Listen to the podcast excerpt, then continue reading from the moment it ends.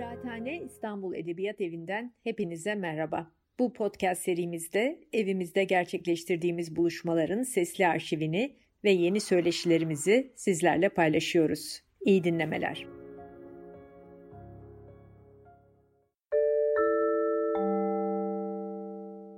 Mistisizmlerle ilgili toplantılarımızın üçüncüsünde Büyük Hint düşünürü Shankara'yı ve bağlı olduğu Hinduizm geleneğini ele almak istiyorum.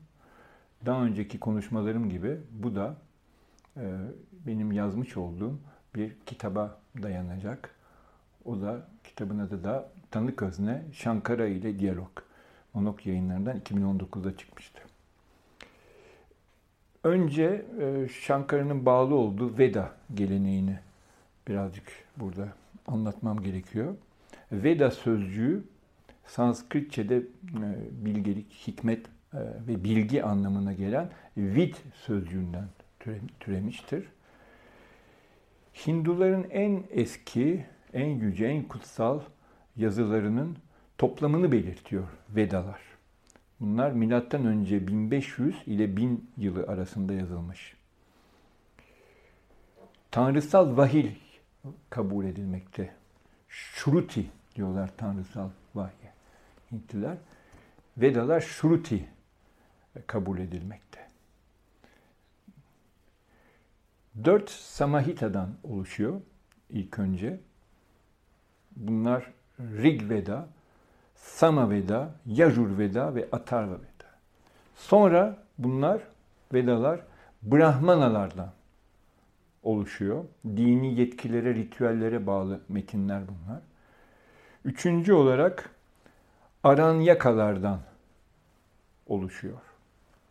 Ya bunların evet, bu terimin adı da ormanın kitapları. Bu son bu bu üçüncü gruptaki kitaplar ev efendisi görevini bitirip toplumsal yaşamdan çekilen kişiye yönelik kozmolojik ve metafizik açıklamalar içeriyor. Bu üçüncü toplama Upanishadlarda e, bağlanıyor. Mistik ve felsefi metinler Upanishadlar. Bunların üstünde daha uzun e, durmak istiyorum. Bu metinlerin çerçevesinde iki e, tanrıya, Vishnu'ya, Shiva'ya ve Shiva'ya e, bağlanan iki ana dini akım doğdu zaman içinde Hindistan'da. Vishnuizm ve Shivaizm e, deniyor bunlara. İlk başta da Hinduizm denince akla gelen bu iki ana akımdır.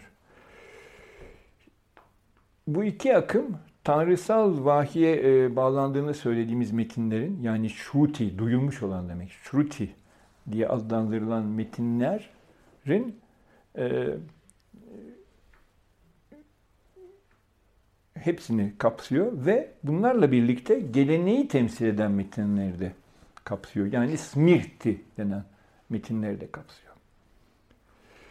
Kısaca söylemek gerekirse e, Vishnuizm e, imana yöneliyor. Shivaizm ise bilgiye yöneliyor. E, örneğin Shankara Shivait bir düşünür. Ama yine başka büyük bir düşünür Ramanuja Vishnuit bir düşünür olmuştur. Shankara büyük bir e, Upanishad yorumcusudur. Önce bunu söylemek gerekir. Bunun yanı sıra e, insansal sözün ürünü olan e, geleneksel metinlerin yani Smirti dediğimiz toplamın da bir yorumcusu olmuştur. Bu yüzden de daha şimdiden Upanishadlar ile geleneksel metinler konusunda bir açıklama yapmamız e, uygundur, uygun düşmektedir. Upanishad yanına oturmak anlamına gelir. Vedaların son bölümünü oluşturan metinleri belirtir. Bu ezoterist, mistik e, ve bir bakıma felsefi metinler Vedalar toplamının aslında en derin metinleridir. Upanishadlar Vedaların ritüelist bölümünden sonra geldikleri için Vedanta diye adlandırılır. Yani Vedaların sonu ya da sonucu. Bunların en eski 12 tanesi, kimi kaynaklara göre bu en eski Upanishadlar 10 tanedir sadece. E, e, sayılabilir. Bunların yanı sıra da minör Upanishadlar olarak da 96 başka Upanishad gelmektedir.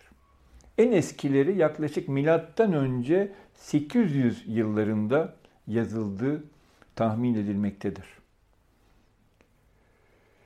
En eski Upanishadlar e, olarak Shandokya Upanishad ile Brhadaranyaka Upanishad sayılabilir. Bunların ikisi üstünde duracağız. Çünkü Şankara'nın düşüncesi için bunlar temel bir kaynak niteliğinde bunları yorumlamıştır. Diğer Başat Upanishadlar ise İsa Upanishad, Kata Upanishad, Kena Upanishad, Mundaka, Mandukya, e, Kausitaki gibi Upanishadlardır. Bir de hani bunlara şey de ekleyebilir çünkü yorumu çok önemlidir e, onunla ilgili e, Şankara'nın.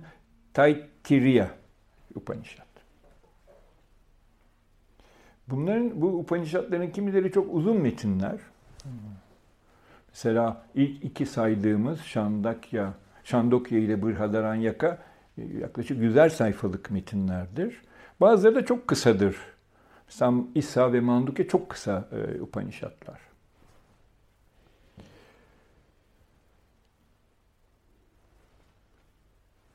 Şimdi belli e, yine metinleri burada bunların yanında saymamız lazım. Çünkü Şankara bunları da yorumlamıştır ve yorumları çok önemlidir.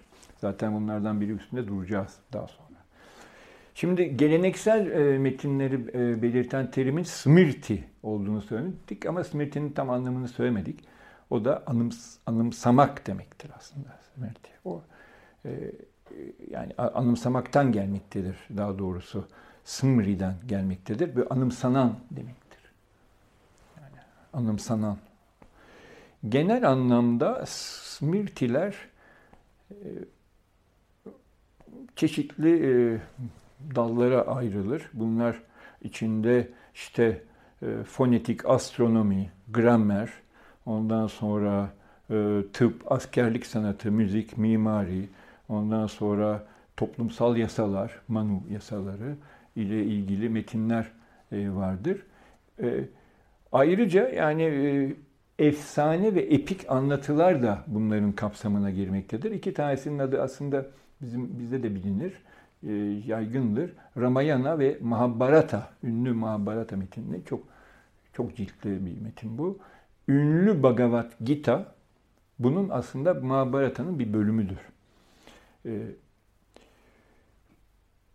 Bunlara e, her biri görüş ya da bakış açısı darşana diyor Hintliler diye nitelenen altı düşünce doğrultusu eklenmektedir ve bunlar aslında bütün bunlar Hint düşüncesinin kapsamını ve zenginliğini ortaya koymaktadır. Şimdi ilk mesela bu e, darşanalardan bir tanesi e, Nyaya Darşana yani aslında mantık ile diyalektiği ele alan yöntem ve kural e, diye işte e, nitelenen Darşanadır. İkincisi e, doğacı ya da deneyici bakış açısını ele alan Vaisheshika Darşanadır. Üçüncüsü yine derin bir düşünceyi aslında içeren Samkhya Darşanadır. Kozmolojik bakış açısını daha çok ele alır. Dördüncüsü bağlamak ve birleştirmekten gelen e, yoga terimiyle anılan yoga darşanadır. Beşincisi purva mimamsadır derin düşünsel yansıtma ya da ilksel tefsir. E, Şuruti'nin yani kutsal e, e, metinlerin, tanrısal vahiy ile yazılmış metinlerin tefsirini içeren e, bir e, bakış açısı bu. Altıncısı ise Uttara Mimamsa denen ya da Vedanta Darshana denen Upanishadların uzantısı e, olan bir e, bakış açısıdır. Yani e, gördüğümüz gibi çok zengin bir düşünce ortamı var. Bununla ilgili de çok e, metin var elimizde aslında. Bu yani Hinduizmin düşünce yelpazesi Vedaları adlı işte o temel metinlere dayanıp onların da e, işte dallanması, budaklanması anlamına gelen bu bu gelenekte idealist bakış açısına da yer e, e, veriyor Hintliler. Ama materyalist açıya da yer veriyor. E, ve bu bakımdan da aslında çok zengin bir düşünce yelpazesi var karşımızda. Şunu başından tekrar hatırlatalım. Geçen sefer Budizmle ilgili andığımız bir, bir, bir noktayı burada tekrarlamak gerekiyor. Bütün bu metinlerin, e, metin toplamlarının temsil ettiği Hinduizm geleneği ile bu gelenekten yaklaşık milattan önce 5. yüzyılda kopup başlı başına ayrı bir gelenek oluşturan Budizm ortak ön varsayım olarak şunları saymaktadır. Bunları andık. Nefslerin göçü. Samsara demiştik buna. Yanılsama ya da yanılsama gücü anlamına gelen ve kozmik yanılsamayı öyleyse çokluk dünyasının gerçek dışı görünümünü belirten Maya ilkesi bu ikinci e, nokta, ikinci e, ön varsayım.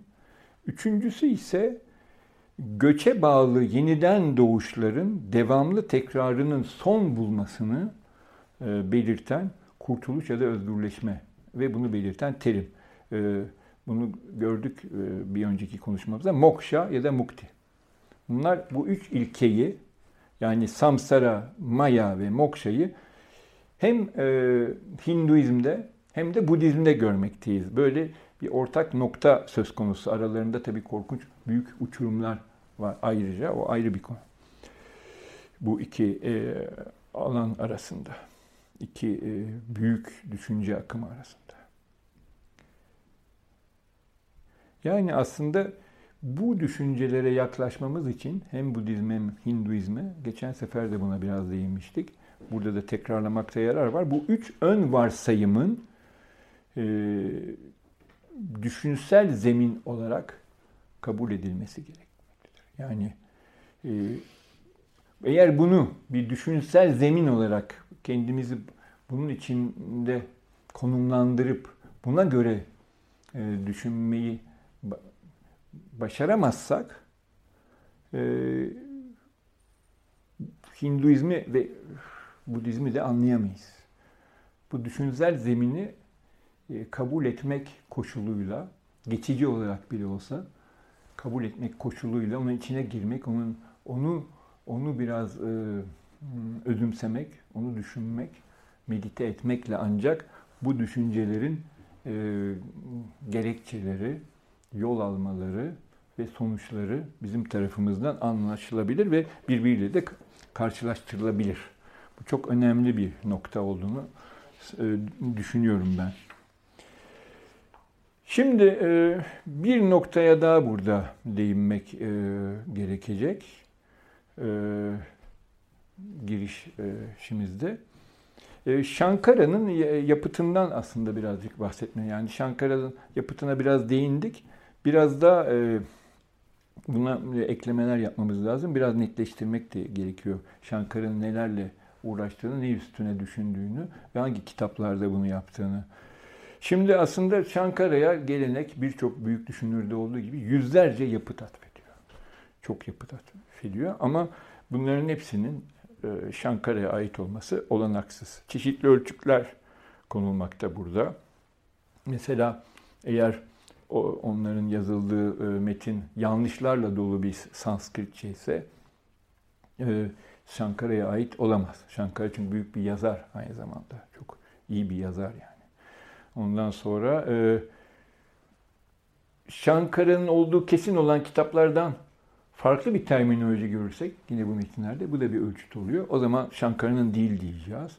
Ondan sonra ayrıca da Şankara'nın yaşadığı dönemden çok sonra çıkmış e, düşünürlere göndermeler falan varsa doğal olarak Şankara'nın olmadığını söyleyeceğiz. Bu üç tane büyük ölçüt aslında e, geçerliliğini korumakta yani. O zaman çoğu metni el, eliyoruz e, bu metinler içinde. Ee, tabii ki bir aslında bir ölçüt daha var, önemli ölçüt. Ee, yani tarihsel bir ölçüt.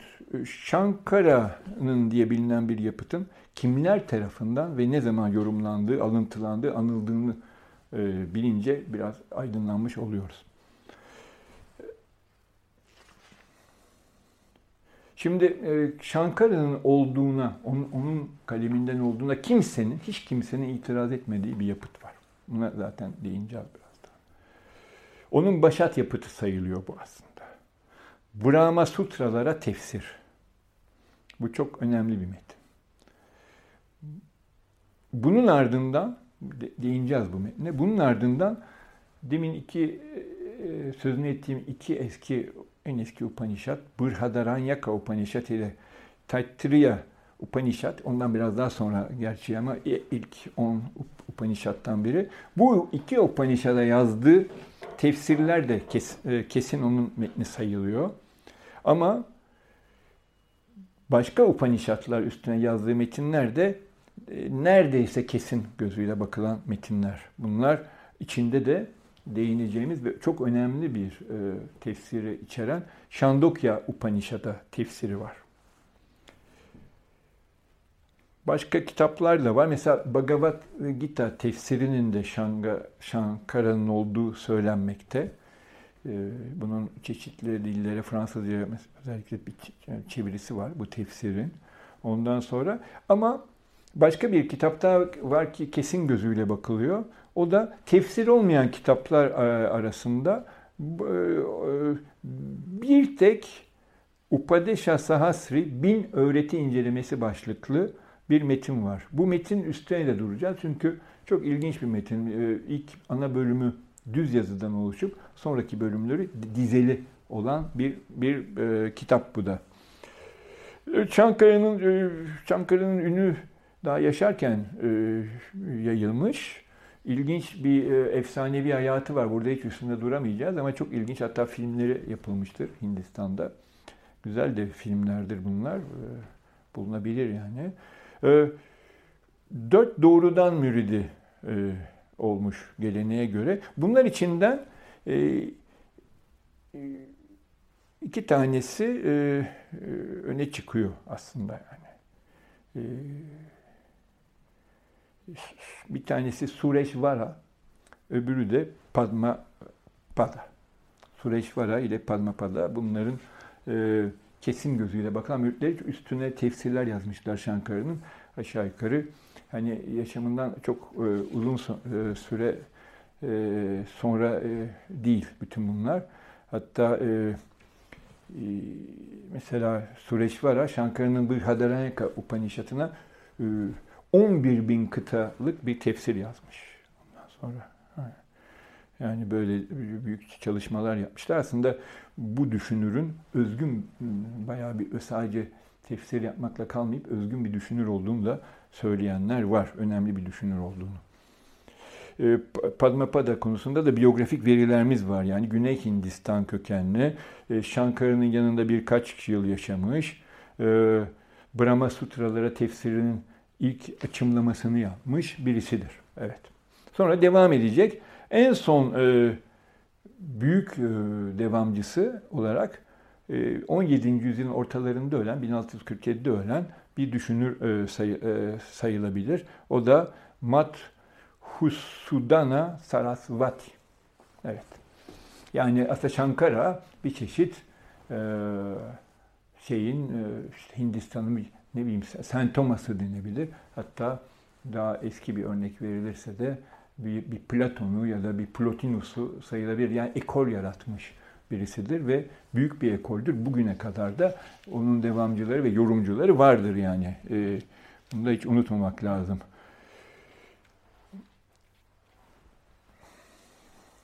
Şimdi e, şeye geçebiliriz aslında. E, Şankara'nın düşüncesinin temel sezgisi e, konusuna e, yine Upanishadlara dayanarak geçtikten sonra Şankara'nın e, ikinci bölümümüzde yapıtına değineceğiz. Şankara'nın düşüncesinin aslında doğrudan merkezi ya da kalbini burada ele al, almalıyız. Çünkü aslında bir düşünürün temel sezgisi onun düşüncesinin bütün kapsamını, eklemlemelerini, doğrultusunu belirler.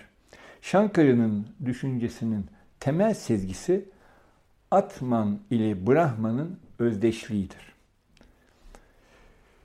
Tabii bu iki terimin anlamının tam olarak ortaya çıkarılması bütün bir incelemenin e, sonuna gelmemizi gerektiriyor. Ama biz şimdiden birazcık bunu açıklamaya çalışacağız.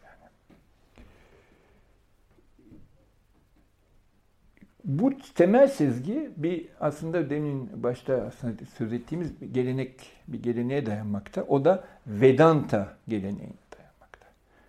Vedanta geleneğine dayanmakta. Vedanta geleneğinin Atman ile Brahman'ın özdeşliğini belirten temel bir formülasyonuna yani Şankara'dan önce yapılmış bir formülasyonun yeniden ele alınması, yeniden düşünülmesi ve derinleştirilmesi aslında Şankara'nın yaptığı. Ona dayanıyor. Bu özdeşliğe dayanıyor. Daha önce e, aslında ifadesini bulmuş bir e, düşünceye dayanıyor. Atman ile Brahman'ın özdeşliği bu. Bunu soru konusu yapıyor aslında. Ve aslında e,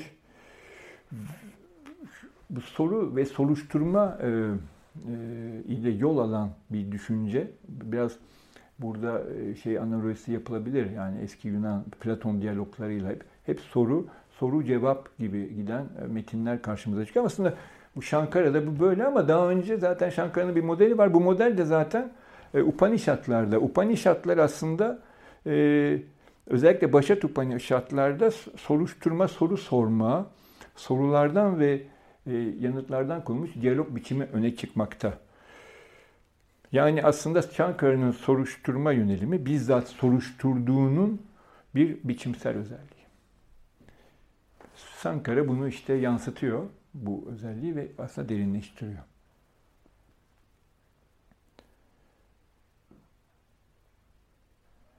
Şimdi tabii Şankara'nın gerçekten daha sonraki yapıtlarında ortaya koyduğu düşüncelerini anlamak için Vedanta geleneğinin ne söylediğini bilmek gerekiyor. Ve özellikle de e, bu konu üstünde e, burada durmamız gerekiyor. Şimdi e, Upanishadlarda çünkü olduğu gibi bunları kabul ediyor e, şey. Hani dini kitap yorum mesela Kur'an e, için yapılan tefsirler bütün söyleni kabul ediyor o, onu söz konusu etmiyor. Ama onunla ilgili sorular sorup onun anlamının derinliğini ortaya çıkarıyor. Gücüllüklerini yani edimselleştiriyor aslında. Tefsir odur yani. Ama bu e, devinimde de Şankara kendi düşüncesini ortaya koyacak. Ama sadece bu tefsirlerde açıklamayacak kendi düşüncesini. Onun üstünde de duracağız. Ee, Upanishadlarda önce varlığın yani olmanın, e, ben buna oluş da diyorum aslında. Yani olma, olma halinin, olma durumunun, varlığın tasarımı nedir diye sorulabilir. Çünkü bir varlık tasarım var. Dolayısıyla bir şekilde yine Yunan terimlerle bir ontoloji karşımıza çıkıyor. Upanish, daha henüz Upanishadlarla çıkıyor. En eski iki Upanishad'dan biri sayılan Shandokya Upanishad'da ya da Chandokya diyorlar buna. E, aslında 8 bölümden oluşan çok kapsamlı bir e, bir metin. E, buna bir tefsir yazıyor, onu söyledik e, Shankara. Şandokya Upanishad'ın 6. bölümü, bunlara konuşma da deniyor. Konuşması özel bir önem taşımakta. Aslında 16 alt bölümden oluşuyor bu 6. konuşma. Vedanta öğretisinin varlık konusundaki tasarımını ortaya koyuyor çok temel tabii. Ve bunu yaparken de 8. alt bölümünün e, başından e, artık bütün o bölümlerin sonuna kadar Atman ile Brahman özdeşliğinin temel formülasyonunu bir tekrar tarzında ifade ediyor. Bu e, Şankara düşüncesinin en temel yani dayandığı en temel söz. Tat tvam asi iki şekilde çevirebiliriz. Bu senin olduğundur ya da basitçe sen busun. Büyük B'yle sen busun. Tatvam asi. Ee, konuşmanın e, ayrıntılarına e, baba bir baba ve oğul konuşuyor burada. Girmiyorum burada. Doğrudan sorunsala gireceğim. Şimdi e, Şandokya Upanishad'ın 6. konuşmasının 8. E, alt bölümünün son kıtasında yani 7. kıtasında Atman ile Brahman özdeşliğinin temel formülasyonu ilk kez ifade ediliyor.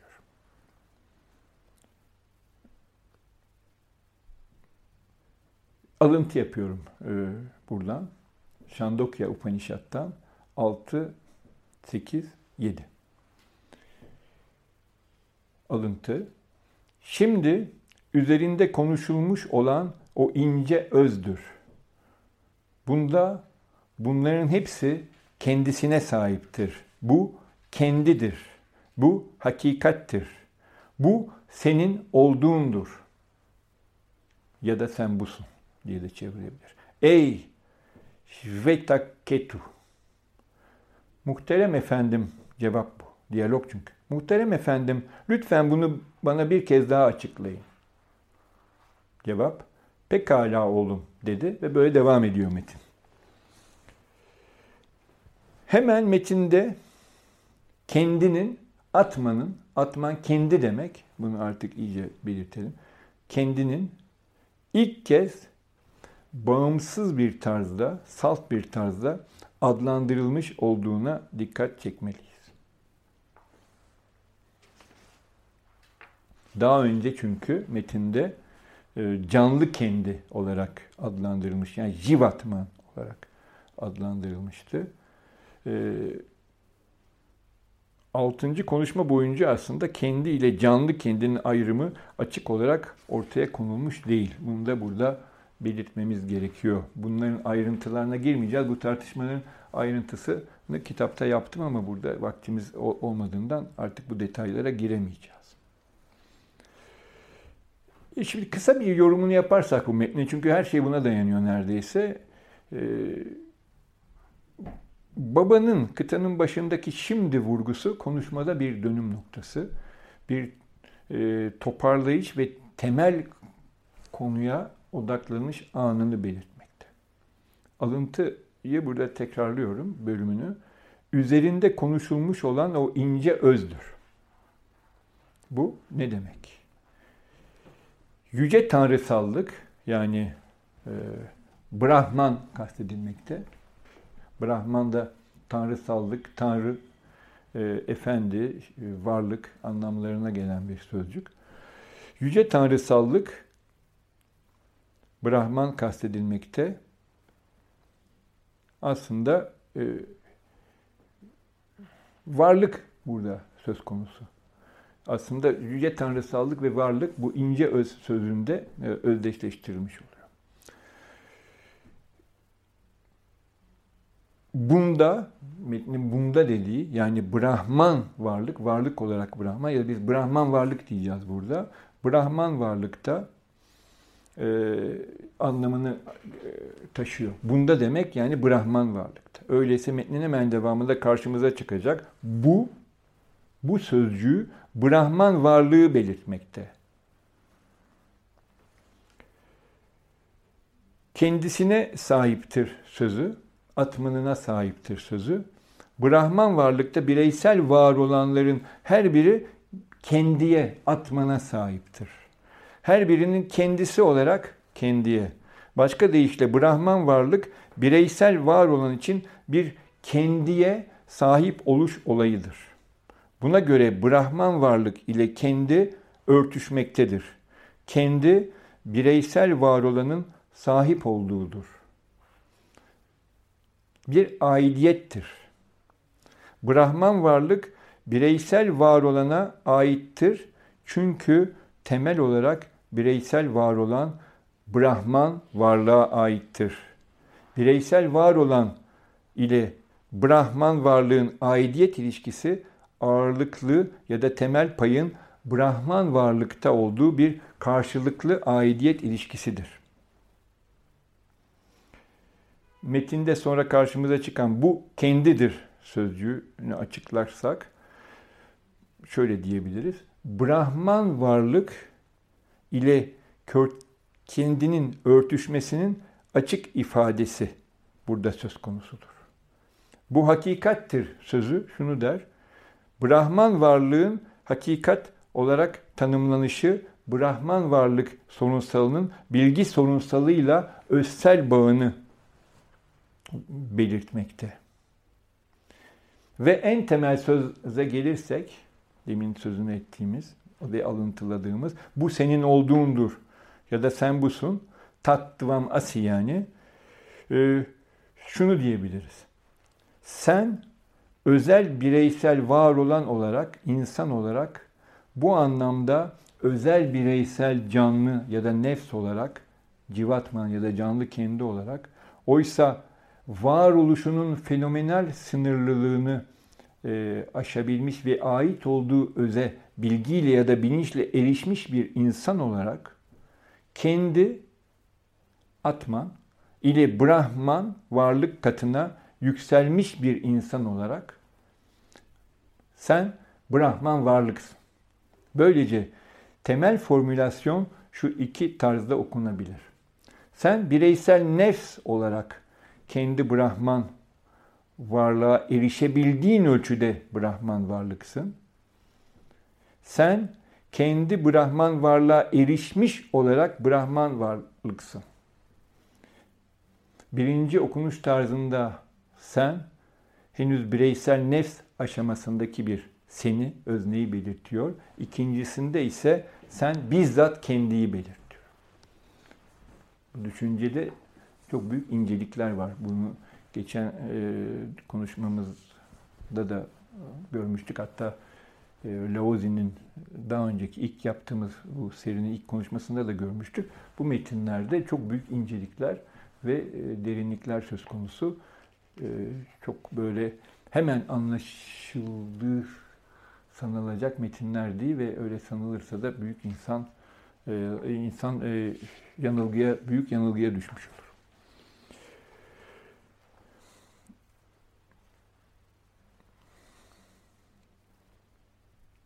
Şimdi e, aslında Şankara'da bilgi sorunsalına girişe e, yönelebiliriz. Şankara'da bilgi sorunsal çünkü çok temel bir sorunsal düşüncesinin. Burada başka bir metin karşımıza çıkacak şimdi. Bu metin de ilk başta Şankara'ya ait olduğu kesin olan metinlerin en başında andığımız Brahma Sutralara tefsiri metni Şankara'nın. Yani bir Upanishad tefsiri değil burada.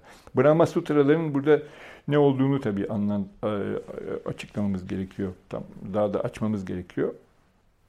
Ondan sonra başka bir adı da var. Vedanta aforizmalarına tefsir de deniyor buna. Şankara'nın aslında temel yapıtı bu e, sayılmakta. Brahma Sutralar, Brahman üstüne e, aforizmalar, birinci bölümde gördüğümüz gibi geleneksel metinler toplamında yani Smrti'lerde Upanishadların uzantısını oluşturan altıncı bakış açısı açı, akış, e, açısının Vedanta Darshana'nın yani e, Badarayana adlı bir yazara atfedilen temel metni. Altıncı bakış açısının temel metniyle karşı karşıyayız. E, bu metin yani geleneksel metinler içinde. Yani vahye dayanan metinler değil. Geleneksel metinler içinde.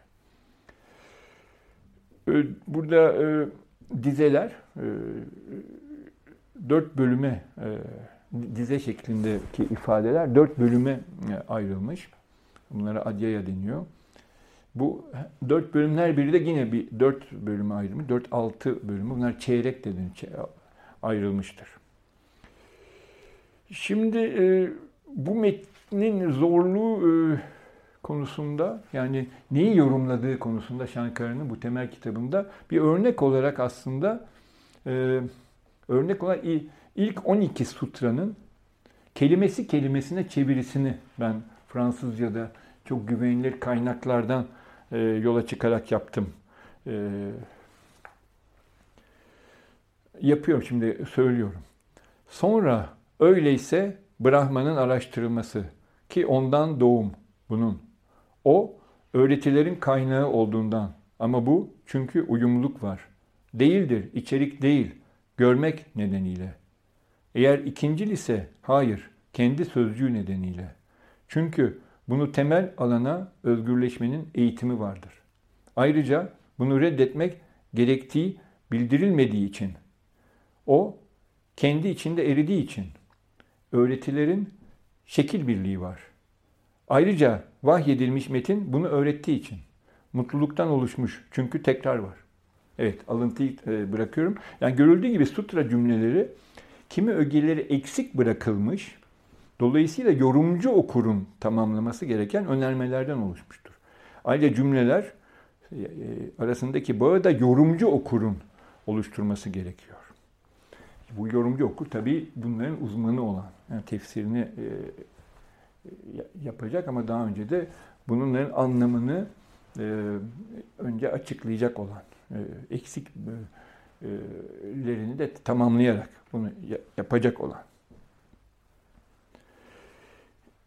ben metnimde yine çok önemli bir kaynaktan Fransız iyi bir çeviriden yola çıkarak e, Şankara'nın Brahma Sutralara tefsirinin birinci bölümünün birinci alt bölümünün başındaki girişi çevirdim. Bu 3-4 sayfalık bir metin ama e, belki de Şankara öğretisinin temellerini ortaya koyan metin olarak aşırı önemli bir metin. Şimdi e, kısaca bu metni burada sunacağım. E, Şankara'nın düşüncesine büyük bir giriş oluşturduğu için. Birinci bölümde Şankara'nın aslında temel kavramı büyük katkısı aslında düşünceye, Hint düşüncesine en başta katkısı burada ortaya çıkıyor. Bu kavram At yasa. A-D-H yasa. At yasa kavramı. Bunun e, çevirisi, çevirisi Fransızca'da da sorun oluşturuyor ve değişik çeviriler de aslında karşımıza çıkıyor. Yakın anlamda tabii. Türkçe'de buna e, üzerine koyuş. Bir şeyin üzerine bir şey koyuş yani. Üzerine koyuş diye bir karşılık bulmayı uygun gördüm ben. Şimdi Şankara'nın metnine bakarsak çabuk geçiyorum. Aşırı yoğun bir metin ve üstüne çok şey söylenebilir bu tabii. Önce metinde şu var. Nesne, visaya ile özne, visayin ayrımını belirtiyor metin. Özne ile nesne, nesne ile özne. Hemen sonra zaten üzerine koyuşa ya adı yasaya geliyoruz. Yanlış olarak üzerine koyuş diyor. Yan, yan, yanlışı tanımlıyor üzerine koyuş terimi, adı yasa terimi. Yanlış ne? diye sormamız gerekiyor burada. Yanlışın biri diğerinin tersi olan aslında iki tarzı var, iki kipliği var. Yanlış önce öznenin üzerine nesnenin ve nesnenin özelliklerinin konulmasıdır. Önce öznenin üzerine nesnenin özellikleri konuluyor ve bu yanlıştır. Sonra da birinci işlemin tersi aslında söz konusu.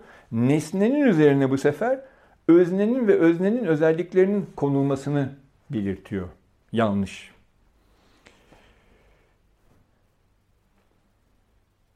Şimdi bir e, yanlış belirlenimi daha ortaya çıkacak hemen e, devamında. Doğru ile yanlışın bir e, çiftleştirilme olayına değiniliyor. Bu çiftleştirme ya da çiftleştirilme üzerine koyuşta söz konusu olanı aslında bize belirtiyor. Çiftleştirme şu. Bunu anlayacaksınız kolaylıkla. Ben şuyum ya da şu bana da ait, ait demekten oluşmakta. Bu ifadelerde doğru ile yanlış çiftleşmekte. Öyleyse doğru beni, özneyi belirtiyor. Yanlış ise şuyu, nesneyi belirtiyor. Buna göre yanlış bu kez nesne ile örtüşmekte. Bu analizi burada çok uzatmadan e, devamına burada e, geçmek istiyorum. Mesela ilk paragrafın özetini şöyle yapabilirim. İlk paragraf bize aslında şunları söylüyor. Biraz detayları burada, nüansları açmış oldum. Ee, özne ile nesne ayrıdır.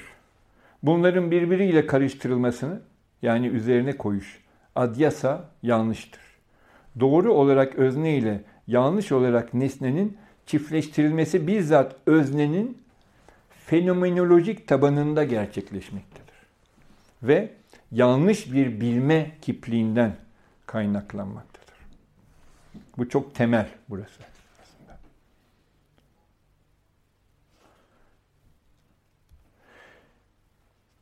Yani metin özneye ayrıcalık tanıdığı anda yanlış olarak üzerine koyuşu gerçekleştirin de bizzat özne olduğunu söylüyor bize. Burada tabii bir çeşit e, çelişki ya da paradoks var. Çünkü özne doğru olarak tanımlanıyor ama yanlışı da gerçekleştiren o. Buna göre doğru olarak özne aynı zamanda yanlışın öznesi durumunda.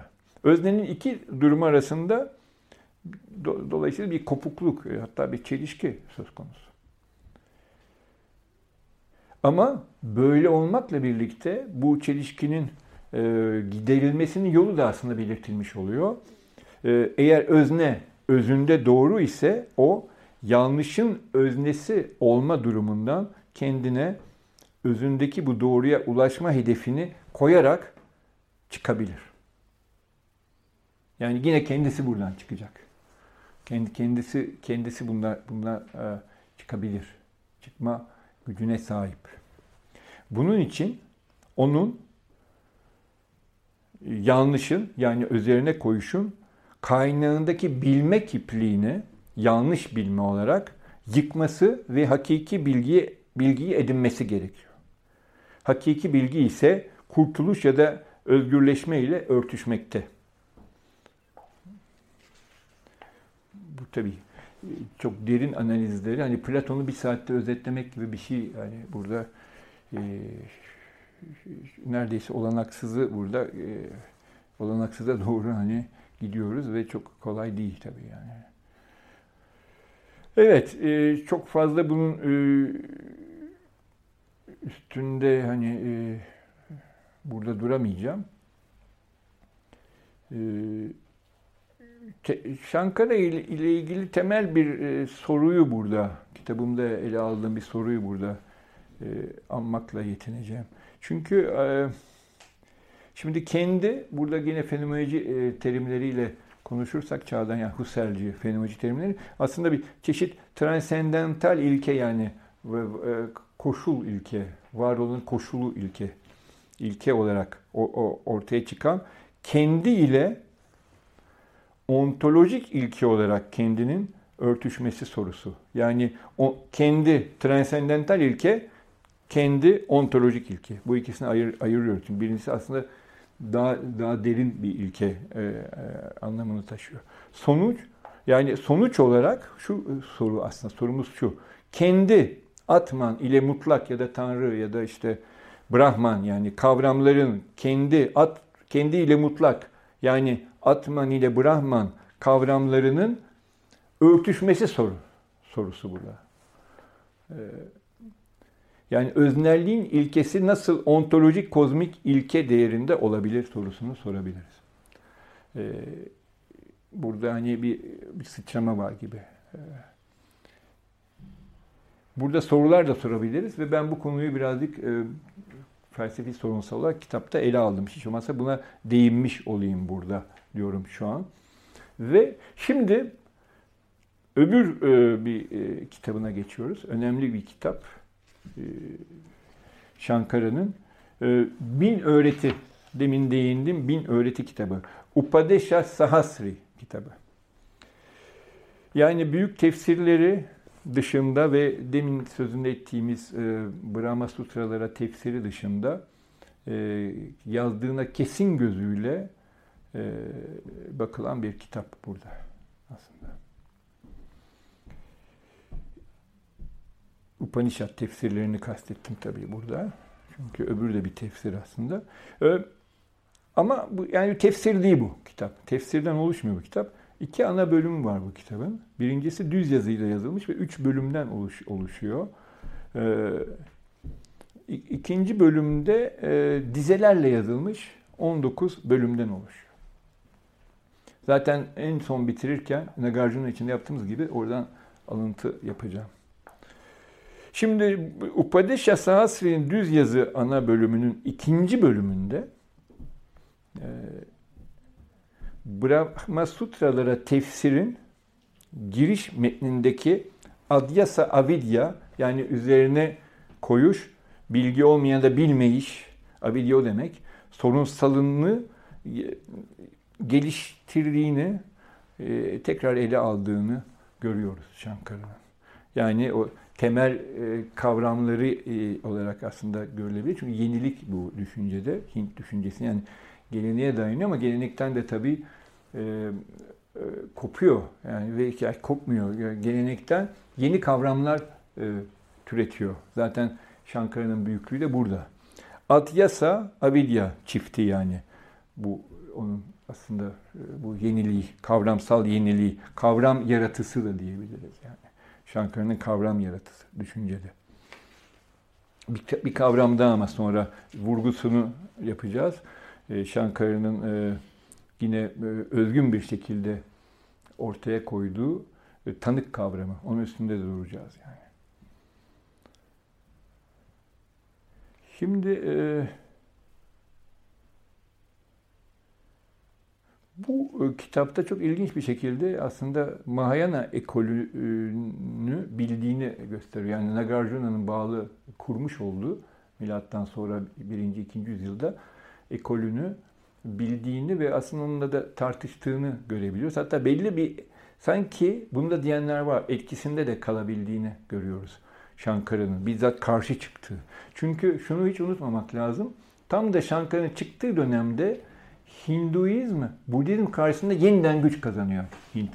Ve sonunda biliyorsunuz Budizm Hindistan'ı terk edecek. Kuzeylere, dağlara doğru e, çekilecek. E, daha sonra işte bugünkü Nepal'de, Tibet'te filan odaklanacak. Ve bu e, yani karşı bir saldırısının büyük mimarlarından biri de Shankara aslında şey düşüncesine. Ve tabii ki onun en derin, en felsefi olan Mahayana ekolünü de hesaba katarak bu karşı e, çıkışını, Hinduizmin yeniden dirilişinin e, e, bir e, belirlenimini ortaya koyuyor. E, koymakta e, şey Shankara.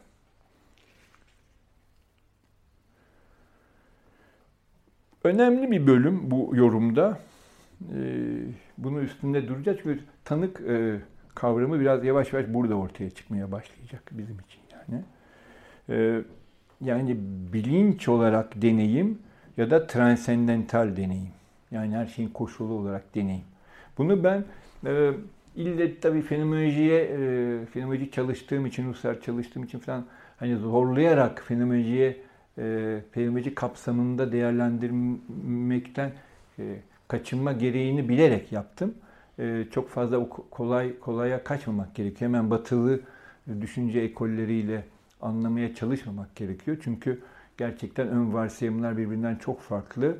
Ee, üsluplar farklı. Ee, düşüncenin e, kültürel bağlamı çok farklı ve gidişatı da farklı. Hatta üslup da farklı genel olarak. Ama Yine de Şankara'da özellikle e, Husserl'in özellikle kartezyen meditasyonlardaki e, yönelimi e, ne, ne bir, bir, bir benzerlik var, bir ortak şeyler var. Hani çağdaş fenomenoloji ile Şankara düşüncesi arasında hiç zorlamadan bu, bunu bunu kendiliğinden aslında görebiliriz diye düşünüyorum. Yani iki gelenekle biraz uğraşmış birisi olarak ben zorlamadan yani bunu fenomenolojiye de çektiğimde düşünülmesin ama bir benzerlik var ve terminoloji olarak da biraz fenomenolojik terminolojiyi e, kullandım bu kitapta. E, yani bilinç olarak deneyim. Deneyim ama bilinç olarak deneyim. Transendental deneyim olarak deneyim yani. Burada düş ile uyanıklık e, ilişkisi çok önemli bir e, örnek oluşturuyor bu bilinç olarak deneyim dediğim olguya. Şimdi metnin bir dönemin e, yine burada öğrenci var. Bir öğrenci bir de hocası var. Onlar yine konuşuyorlar. Yani bu yine bakın şey modeli yani Upanishadlarda gördüğümüz model. Şimdi e, düş ile uyanıklık durumları ile ilgili soru soruyor hocasına öğrenci. Düş ne, uyanıklık ne? Bunların deneyimi yani düş ile uyanıklığın deneyimi acaba devamlı mı değil mi? Bu soruyu Hoca cevap olarak bunların, bu durumların arazi olması gerektiğini e, belirtiyor. Çünkü hocaya göre bunlar öznenin hakiki doğasını oluştursalardı sabit tarzda sürekli olurlardı. Bunlar son buluyor. Oysa hakiki doğa son bulmaz. Hoca şunu diyor burada. Ama düş ve uyanıklık durumlarının bir sonu vardır. Salt bilinç durmaktayken. Salt bilinç duruyor. Halbuki onların bir sonu var. Düş ile uyanıklığın bir sonu var. Öyleyse tartışmanın bu aşamasında bilinç ile deneyimin olumsallığı arasındaki belirli bir bağ açıklık getirilecek ve böylelikle bilincin tanımı ek bir aydınlık kazanacak.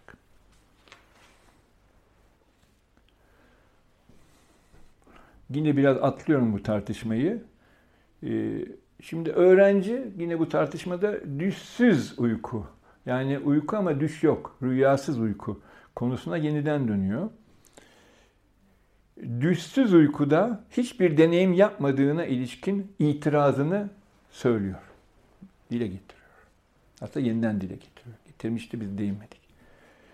Hoca burada öğrencinin sözündeki bir çelişkiyi işaret edecek. Hocadan alıntı yapıyorum.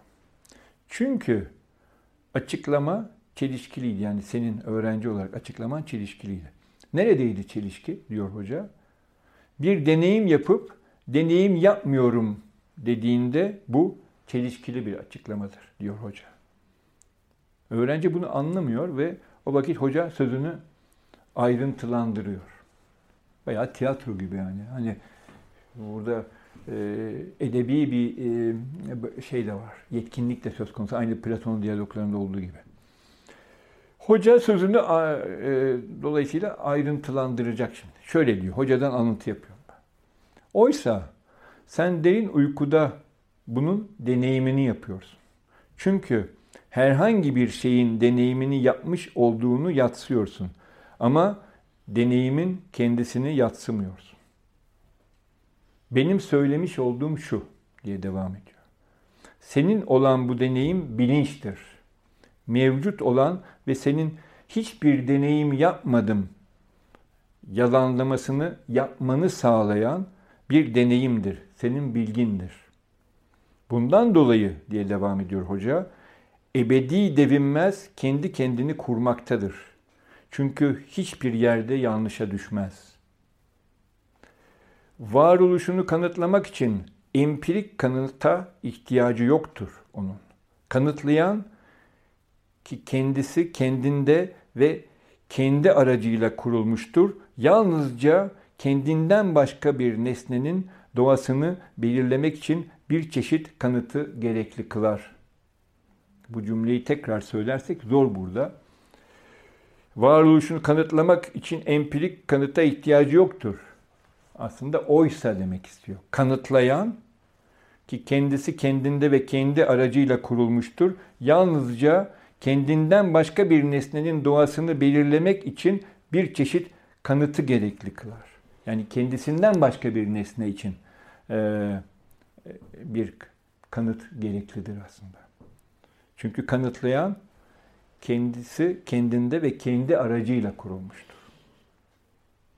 Ama kendiliğinden kurulmuş bir bu başka belirlenim ki ne olmadığını belirlemek için zorunludur ve oysa belirlemektedir. Ebedidir, devinmezdir ve doğa itibarıyla kendinde ışıklıdır diyor. Onun kanıt olarak ve bireysel deneyimci olarak bildirinin kendisi olduğunu kanıtlamak için hiçbir çeşit kanıta ihtiyacı yoktur. Bunların hakiki doğası yani hem yanlış görünümlerin, hem empirik kanıtın, hem de bireysel deneyimcinin hakiki doğası olduğuna göre diye devam ediyor. Bu sözler çok önemli aslında. Ee, bu yoğun ve zengin açıklamayı aslında büyük özenle okumak gerekiyor. Ee, bu düşünce çabasının bütün özsel eklemleriyle ortaya e, çıkaran e, doruk anları var. Ee, işte burada Şankara'nın düşüncesinin bir doruk ifadesiyle karşı karşıyayız. Söz konusu olan bizzat bilincin özü burada. Öyleyse bilinç kendi ile özdeşleştiği, yani Atman ile özdeşleştiği anlamda bütün Vedanta geleneğinin ve Şankara'nın düşüncesinin odağı ve sorusu. Bilinç yani. Bilinç burada kendiyle özdeşleşmiş olarak bilinç. Bu doruk ifadede bilinç bir deneyim olarak tanımlanmakta. Ama bu öyle bir deneyim ki empirik deneyimin yani bizim e, nesnelerle karşı karşıya olduğumuzdaki deneyimin de kaynağını oluşturmakta. Ama bu öyle bir deneyim ki empirik deneyimin kaynağını oluşturuyor. Modern felsefi terminolojimizle e, işte ben de işte bu yüzden böyle dedim. Buna transendental deneyim diyebiliriz. Yani empirik deneyimin koşulu olan bir deneyim. Nesnelerle ilişkimizin e, koşulu olan bir deneyim var. O da Şankara'da bilinç. Burada tabii Alman idealizmi falan da akla geliyor. E, Birçok tabii benzerlikler kullanılıyor ama burada çok dikkatli olmak lazım. Yine fenomenolojinin o nötr e, ve mesafeli e, söylemi e, bunu daha iyi tanımlamakta. Hemen Alman idealizmine falan ya da hatta Platoncular, Neoplatoncular falan gitmek de burada sakıncalar çok aslında az değil yani. Dediğim gibi birçok sebebi var bunun. Bir kere büyük gelenek farkları, dil farkları, işte yöntem farkları, bağlam farkları filan var. Bir de ön varsayım farkları tabii her şeyin de en tebelinde yani.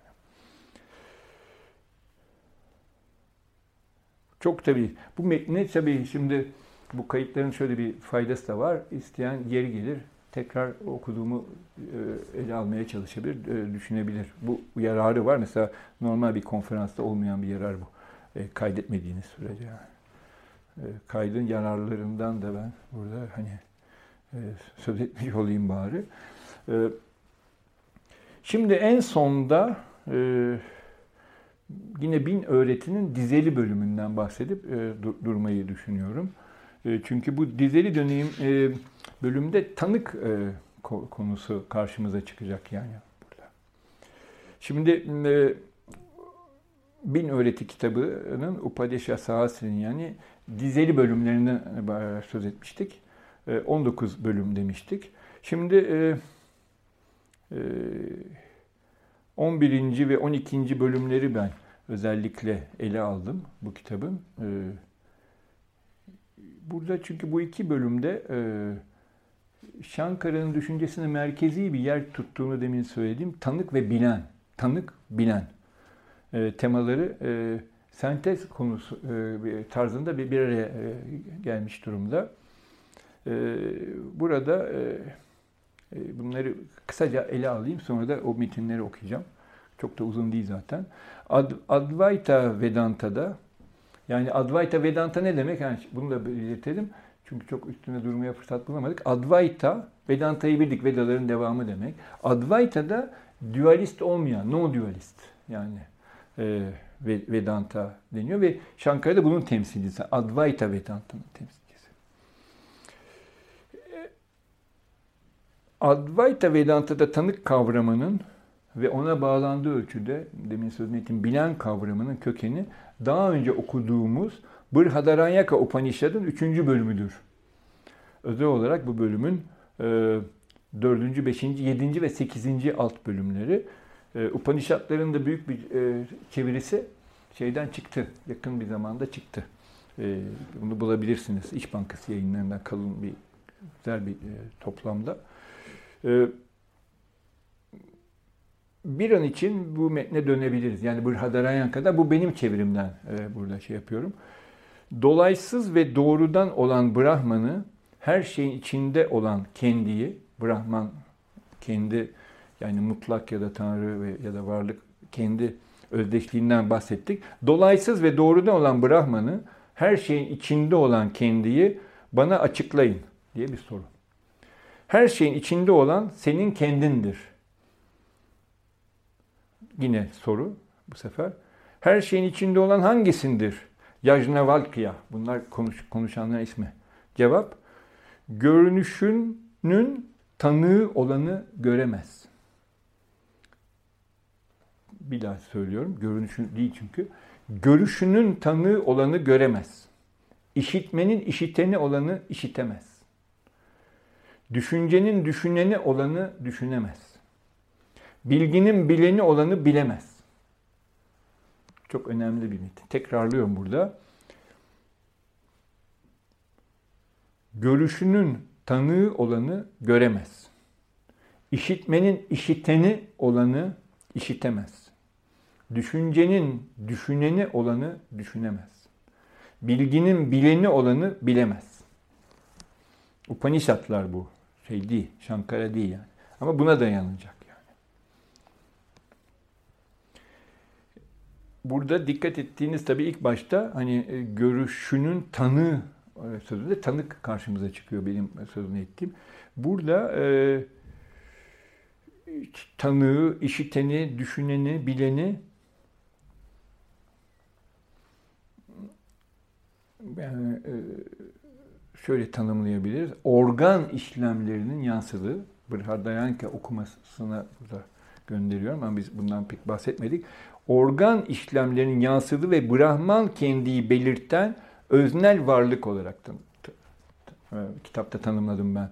Yani e, tanık, işiten, düşü, e, düşünen, bilen bir e, e, şeyi belirtiyor. Kendiyi belirtiyor aslında. Atmanı, Brahman kendiyi. At, yani mutlak mutlak ve kendiyi özdeşleşmiş durumlarında belirtiyor. Öznel varlıkta diyor buna şey. E, e, yani onu demeye getiriyor Shankara. Yani burada sonuç olarak şunu ben burada e, belirtmeye çalıştım kitapta. E, tanık algılama, düşünme, bilme edimlerinin bunları alırlık düzleminin öznesi olarak kendisine yansıttığı anlamda öznesidir. Bir daha söylemek gerekirse tanık, tanıktan söz ediyoruz. Tanık e, algılama, düşünme, bilme edimlerinin bu edimleri alırlık düzleminin öznesi olarak kendisine yansıttığı anlamda öznesidir. Burada tabii e, bunun üstünde çok e, yani durabilirdik. Maalesef e, burada zamanımız yok. Ama şunu da şöyle tamamlayayım bari. Öyleyse tanık bir bakıma iki kez öznedir burada Şankara'da. Hem söz konusu edimlerin doğrudan öznesidir. Deneyimi yapıyorum, duyuyorum işte e, algılıyorum, düşünüyorum. Doğrudan özne. Hem de bu edimleri kendinde yansıtan olarak özne, öznedir. Yani görüyorum, gördüğümü gördüğümün bilincindeyim. Görüyor olduğumun bilincindeyim.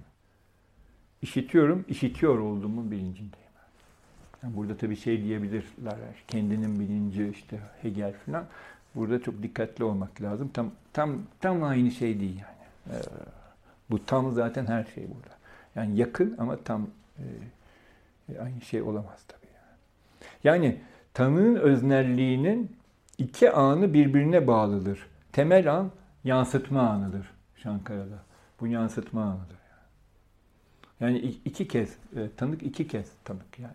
Bilinç olarak tanık. iki kez tanık yani.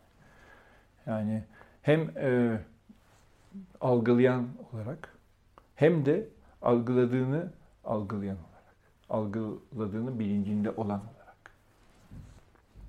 Ee, kendini görüyor olarak aslında. Kendini görmek kendi olmak. Da belki denilebilir. Ee, yani aslında şurada hemen şu parantez içinde şunu söyleyeyim. Bu analizler belki biraz sıkıcı, zor gelecek. Belki şimdiye kadar bütün e, değinmelerimde bu zorluklarla karşı karşıya kalındı ya hepsi dinlendiyse sunumlarımın. Ama Doğu e, düşünceleri ya da işte Doğu mistisizmleri e, ya da felsefesi dediğimiz alan e, zorluk bakımından Batı düşüncesinden pek farklı değildir yani. Ve ama bu Doğu düşüncelerini, Doğu mistisizmlerini basit böyle bir takım formüllere indirgemek bir takım yoga hareketleriyle özellikle mesela bağlantılandırarak ya da bir takım moda olan bazı e, batıda işte bizde de moda olan bazı e, şeylerle, öğretilerle ve pratiklerle bağlantı, e, bağlantılandırmak e, genelde çok yüzeysel bir biçimde yapılıyor ve e, düşüncenin derinliğinin hiç kimse farkında değil aslında ve zorluğunun da farkında değil ve aslında katkıları, olası katkılarının da farkında değil. Yani, yani e, çağdaş felsefenin bunlardan yararlanabilme e, ihtimalinin ve ortaya konulması benim en, en çok istediğim, en yapmaya çalıştığım şeylerden biri. Yani bu e, düşüncelerdeki bu derinlikten e, çağdaş felsefe, yani Yunan kökenli felsefe e, terimleriyle ve o felsefenin bugün gelmiş olduğu gelişmiş düzeyde yararlanabiliriz ve o e, bunlar sayesinde bir e, düşünsel zenginlik sağlayabiliriz ama içine girmek lazım metinlerin. Onları hemen batılı terimlere indirgememek lazım ve düşünmek lazım. Üstüne düşünmek lazım. Önce okumak lazım tabii. Şimdi bu 11. bölümü okuyabilirim burada. Evet. Burada yine çünkü bir e, bir terim gelecek. E, onu açıklamaya e, vakit bulacak mıyım bilmiyorum. Tamam ama önce okuyayım ben aslında. 11'i okuyayım. Bir dakika.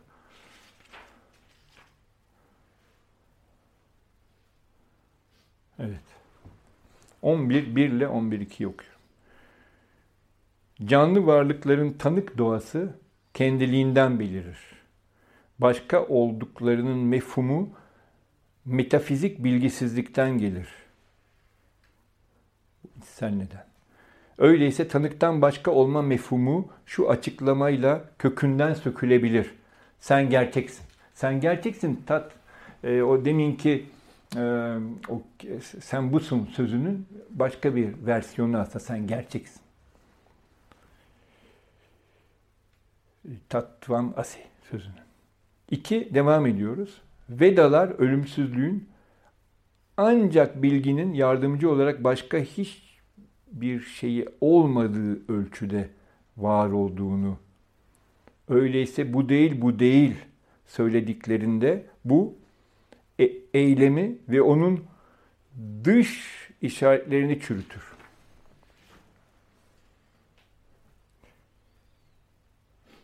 Bir daha okuyorum bu 1-2'yi. E, Tekrarlarda hep yarar var. Bu düşünceler zaten onlar da öyle e, çalışıyorlar bunları meditasyonda. Sürekli tekrarlıyorlar kelimeleri ve ezberleniyor. Bir, canlı varlıkların tanık doğası kendiliğinden bilinir. Başka olduklarının mefhumu metafizik bilgisizlikten gelir. İçsel neden de diyorlar bu metafizik bilgisizliğe. Öyleyse tanıktan başka olma mefhumu şu açıklamayla kökünden sökülebilir. Sen gerçeksin. İki, Vedalar ölümsüzlüğün ancak bilginin yardımcı olarak başka hiçbir şeyi olmadığı ölçüde var olduğunu söylediklerinde öyleyse bu değil bu değil olarak söylediklerinde kastediliyor. Bu eylemi ve onun dış işaretlerini çürütür.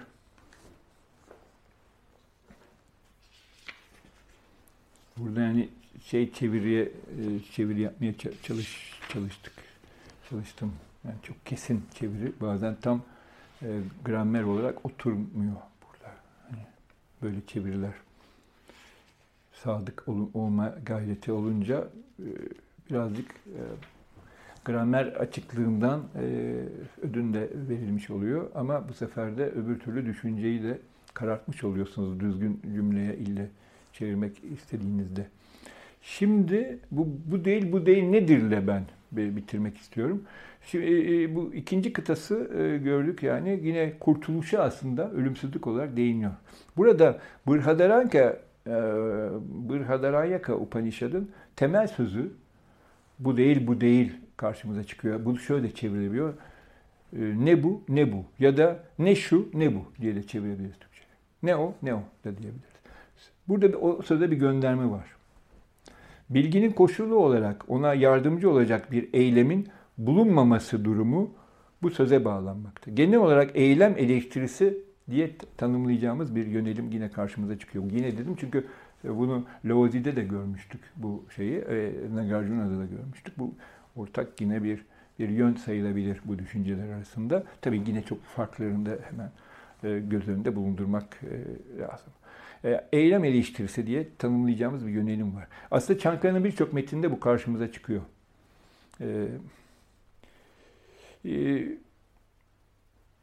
Advaita Vedanta'da eylem eleştirisi bilgi ve kurtuluş eksenli bir mistik bağlamda konumlanmakta. E, halbuki Taoculukta eylem e, eleştirisinin pratik bir amacı vardı. Yani aslında e, zarar görmemekti. E, zarar vermemek ve zarar görmemek ve yaş, yaşamın hani e, değer kaybetmesini engellemekti aslında. Burada ise bilgi ve kurtuluş ekseni var aslında. Şeyin e, eylem eleştirisinin buna buna da değinebiliriz burada en son olarak.